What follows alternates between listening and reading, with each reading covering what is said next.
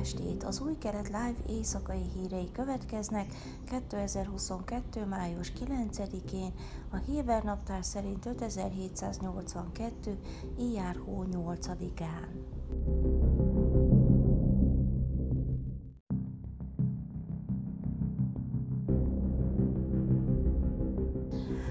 Rendőrség hétfő reggel közölte, hogy meghiúsítottak egy merényletet, miután tűzszerészek hatástalanítottak egy nagy robbanó szerkezetet, amely egy járműre volt rögzítve.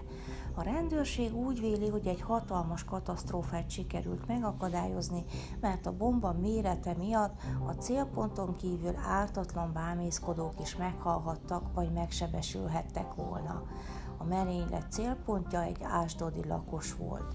A déli tengerparti városok a közelmúltban a bűnbandák közötti harc középpontjába kerültek. A Valla híroldal szerint a jármű Sálom Domráni alvilági főnök egyik társáé volt.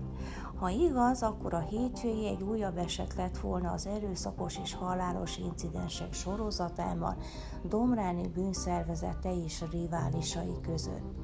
Domráni tavaly októberben szabadult a börtönből, miután hat évet letöltött két gyilkossági kísérlet miatt, és azóta állítólag szervezete megerősítésén és anyagi rehabilitációján dolgozik.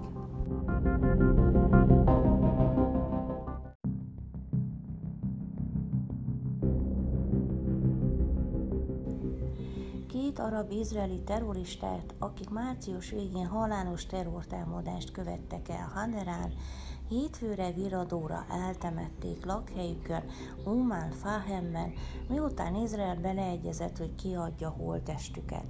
A családtagok elfogadták a rendőrség követelését, miszerint hétfőn kora reggel temessék el őket, és legfeljebb 50 ember részvételével. Abba is belementek, hogy nem lesznek úszító felhívások, transzparensek és felvonulások, jelentette a Valla híroldal, a Vájnet szerint azonban szórványosan mártíromsággal kapcsolatos szlogeneket skandáltak. A rendőrség korábban aggodalmának adott hangot amiatt, hogy a temetések ezreket vonzhatnak és a terrorgyülekezési helyszíneivé válhatnak. Április elején a rendőrség állítólag azt kérte Benny Gantz védelmi minisztertől, hogy a közelmúltban elkövetett terrortámadásokért felelős öt terrorista holtestét ne adják vissza családjaiknak temetésre.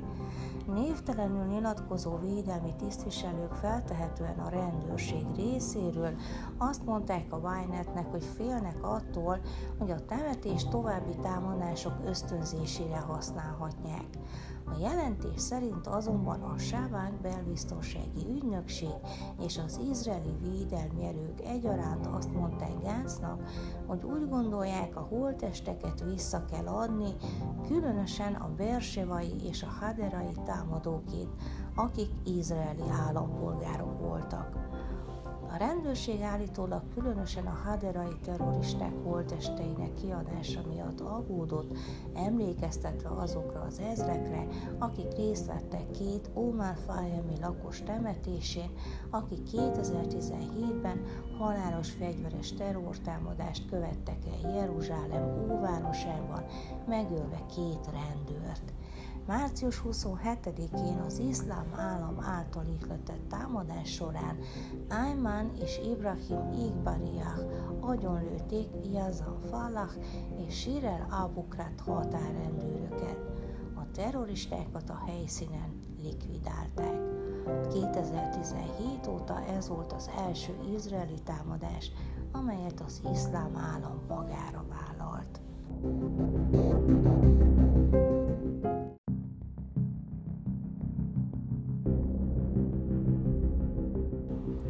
2023. májusától az izraelieknek az Európai Unióba való belépéshez előzetes regisztrálható engedélyre lesz szüksége, és 7 eurót kell fizetniük.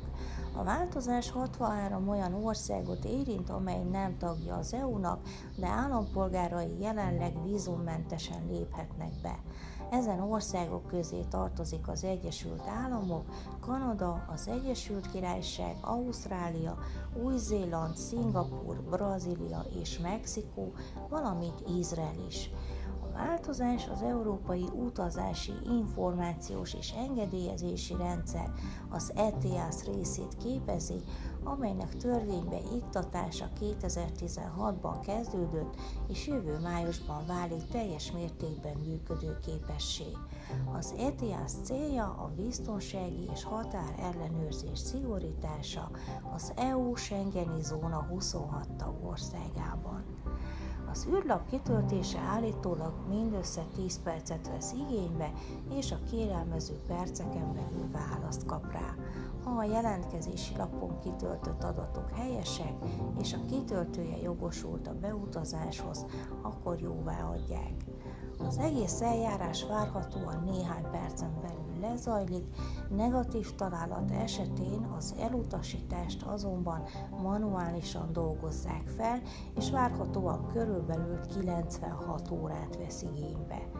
A 18 éven aluliak és a 70 év felettiekre nem vonatkozik a 7 eurós szolgáltatási díj, amely hatalmas bevételt fog jelenteni az Európai Uniónak.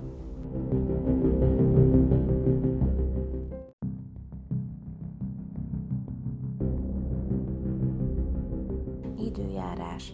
Kedden napos idő várható Jeruzsálemben, Ásdodban és Tel Avivban 24, Hajfán 22, míg Ejláton 33 fokra lehet számítani. Ezek voltak az új kelet live hírei Ómer 23. napján hétfőn. thank you